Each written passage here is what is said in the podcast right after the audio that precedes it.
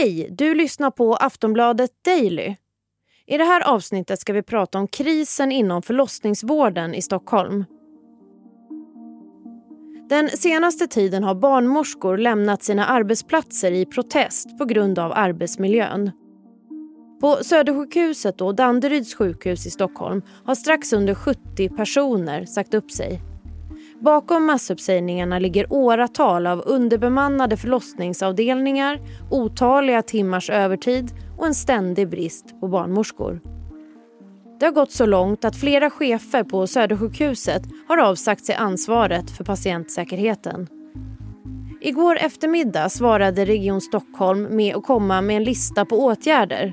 Bland annat så ska man se över scheman och så ska målet vara en barnmorska per födande kvinna.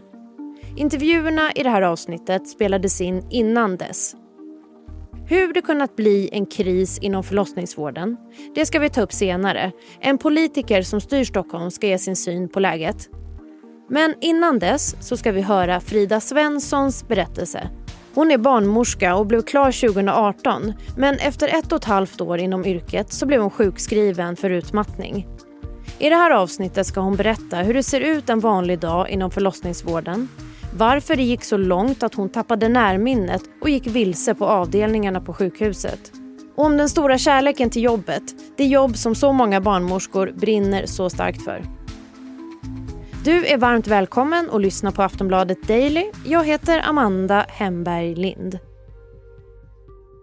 Frida Svensson ska börja med att reagera på varför hon tror vrålet från förlossningsvården kommer just nu. Vi har försökt att larma i flera många år om den här situationen och att det kommer just nu, det är väl bara en, en händelse. Eh, vi har gjort försök till uppror och eh, det har inte varit någon som har lyssnat. Eller så lyssnar de och skiter i vad vi säger och jag vet faktiskt inte vilket av det som gör mig mest upprörd. Men du känner dig upprörd? Oh ja. Oh ja. Det var 2018 som du blev klar barnmorska. Det var inte länge sedan. Hur var det för dig att komma ut i arbetslivet som eh, nyexad barnmorska? Jag började ju inte ens jobba förrän 2019. Jag fick ju barn när jag eh, precis var färdig, så jag var föräldraledig. Så 2019 började jag på BB och det var tufft. Det var jättetufft. Det ställdes otroligt höga krav eh, på en som, i självständighet. Och förloss, sedan ett halvår senare började jag på förlossningen där är det ju på ett sätt ställs det ännu mer krav på eh, flexibilitet och eh, kompetens i akuta situationer. Det är svårare att, att be en kollega om hjälp. Eh, man kan inte vänta med det. Den måste finnas där, den där kollegan. Eh, och det var det som var det tuffa. Att, eh, jag vet när jag, när jag läste utbildningen eh, och gick min sista praktik, då vet jag att man sa till mig för att ens ha en student, för att kunna handleda en student bör du ha minst fem års erfarenhet som barnmorska inom förlossningsvården. Och när jag började jobba eh, på förlossningen så tror jag alltså det var ovanligt att det ens fanns en sån barnmorska på golvet. De satt ju som, det satt ofta en erfaren barnmorska i telefonen och en som var som extra hjälp ibland. Men, men det var ju liksom, det, det var ju inte säkert den kunde ha tid med mig när jag behövde. Och det kravet på självständighet, att kunna ta beslut i svåra situationer själv eh, och inte veta om de kommer att finnas där när det väl eh, skiter sig, för det gör det ibland när man föder barn. Eh, och det var, det var jätte, jättetufft, otroligt stresspåslag konstant. Eh, och det var många eh, situationer där jag inte kände att jag hade kontroll. Eh, där jag kände att nu kan det gå hur som helst här, jag, jag vet inte. Eh, och det var väldigt många gråtsituationer på toaletten. Vi var ju ett gäng som gick ut samtidigt. Bara en sån sak att vi är fem, sex barnmorskor som börjar nya samtidigt eh, säger ju någonting om att omsättningen av personal är helt åt fanders.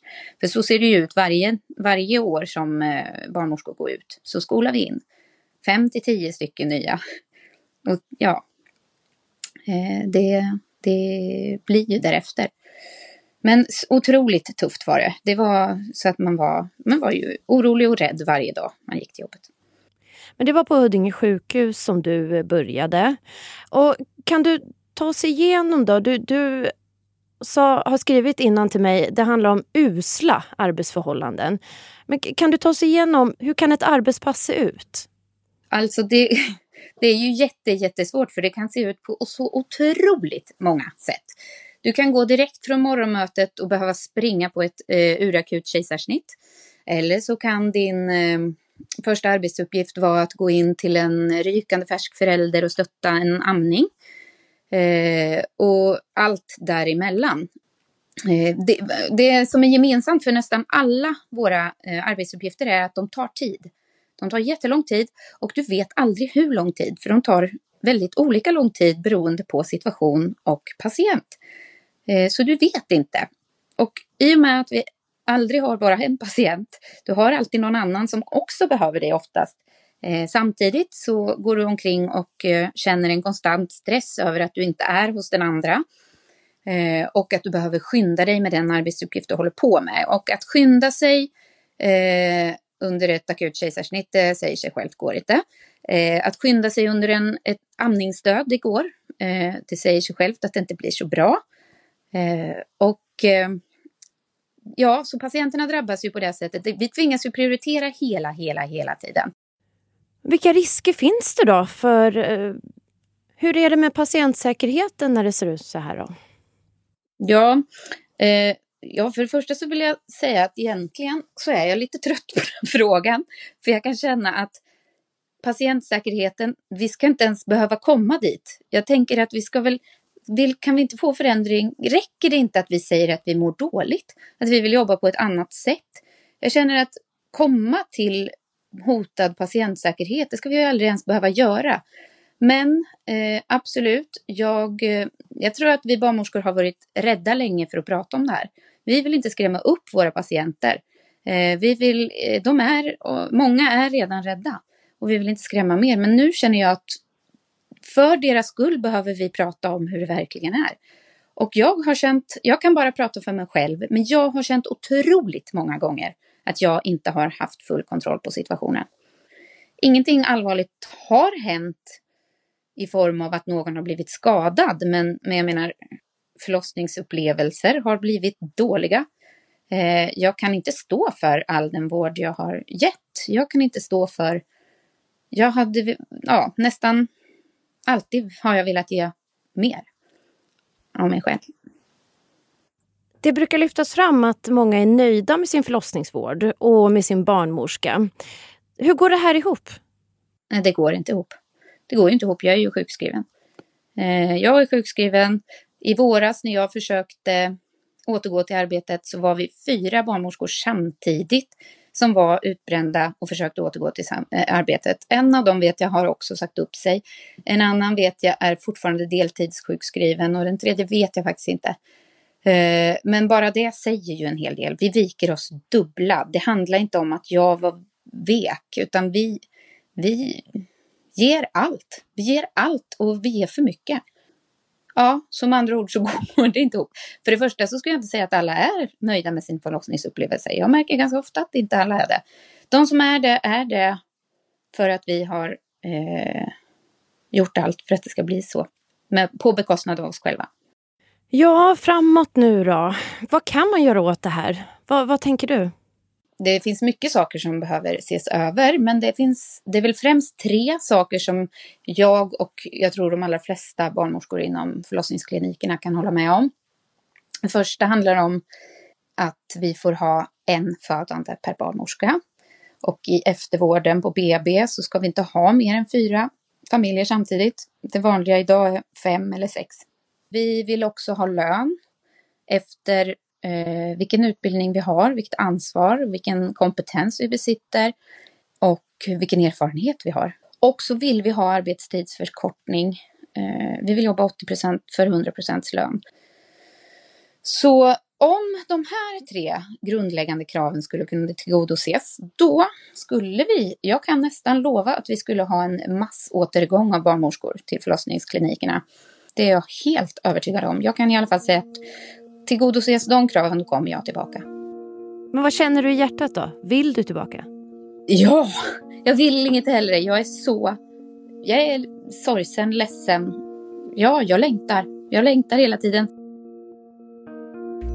Vi ska höra politikern Tobias Nässén nu. Han är moderat och vård och valfrihetsregionråd i Stockholm. Det har varit problem under en lång tid med bemanningen på förlossningsklinikerna, säger han, men vill samtidigt lyfta fram att fler födande är nöjda med förlossningsvården. Det som finns bakom de här väldigt allvarliga rubrikerna, som är viktigt att ändå lyssnarna också känner till, det är att de senaste åren så har kvaliteten i förlossningsvården för födande mammor eh, ökat. Man är mer nöjd och antalet allvarliga bristningar och så vidare som finns i förlossningssituationen har minskat. Och det är ju väldigt viktiga eh, kvalitetsfaktorer eh, som vi vill fortsätta att utveckla. Det är ju också så att det finns eh, de som svarar på det där och säger att ja, det är just för att vi brinner så mycket från vårt, för vårt yrke och springer lite snabbare hela tiden. Men det är en farlig väg vi går. Ja, och där vill jag säga att jag har all respekt för det. Det handlar inte om att man ska springa snabbare utan vi, vi behöver hela tiden så att säga, justera och förbättra hur vi arbetar. Inte att springa snabbare utan att ha ett team av kompetens både från läkare, sjuksköterska, undersköterska, barnmorska som tillsammans skapar en bra arbetsmiljö.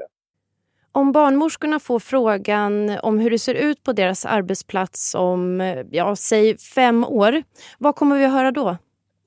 Jag tror och hoppas att vi kommer höra att vi har rört oss i riktningen där det är mer förutsägbart under vårdkedjan med gravida kvinnor som ska föda. Att ba både barnmorska och den födande kvinnan vet om att ungefär så här kommer det att se ut. Jag kommer att kunna känna mig trygg med att en barnmorska som jag kanske har träffat flera gånger under graviditeten kommer att finnas med mig när det är dags för barnet att komma. Så Den vägen har vi, har vi börjat gå och jag tror att som du säger om, om fem år så hoppas jag och tror att vi har kommit betydligt längre på den vägen så att det här yrkesrollen barnmorska där man får vara med om så liksom fantastiska saker i människors liv, att det återigen ska bli en väldigt positiv yrkesroll där man känner sig glad att gå till jobbet. Ja, kommer det bli så? Jag tycker vi i Sverige har eh, och i Stockholm har de, bland de bästa förutsättningarna för att det ska kunna bli så.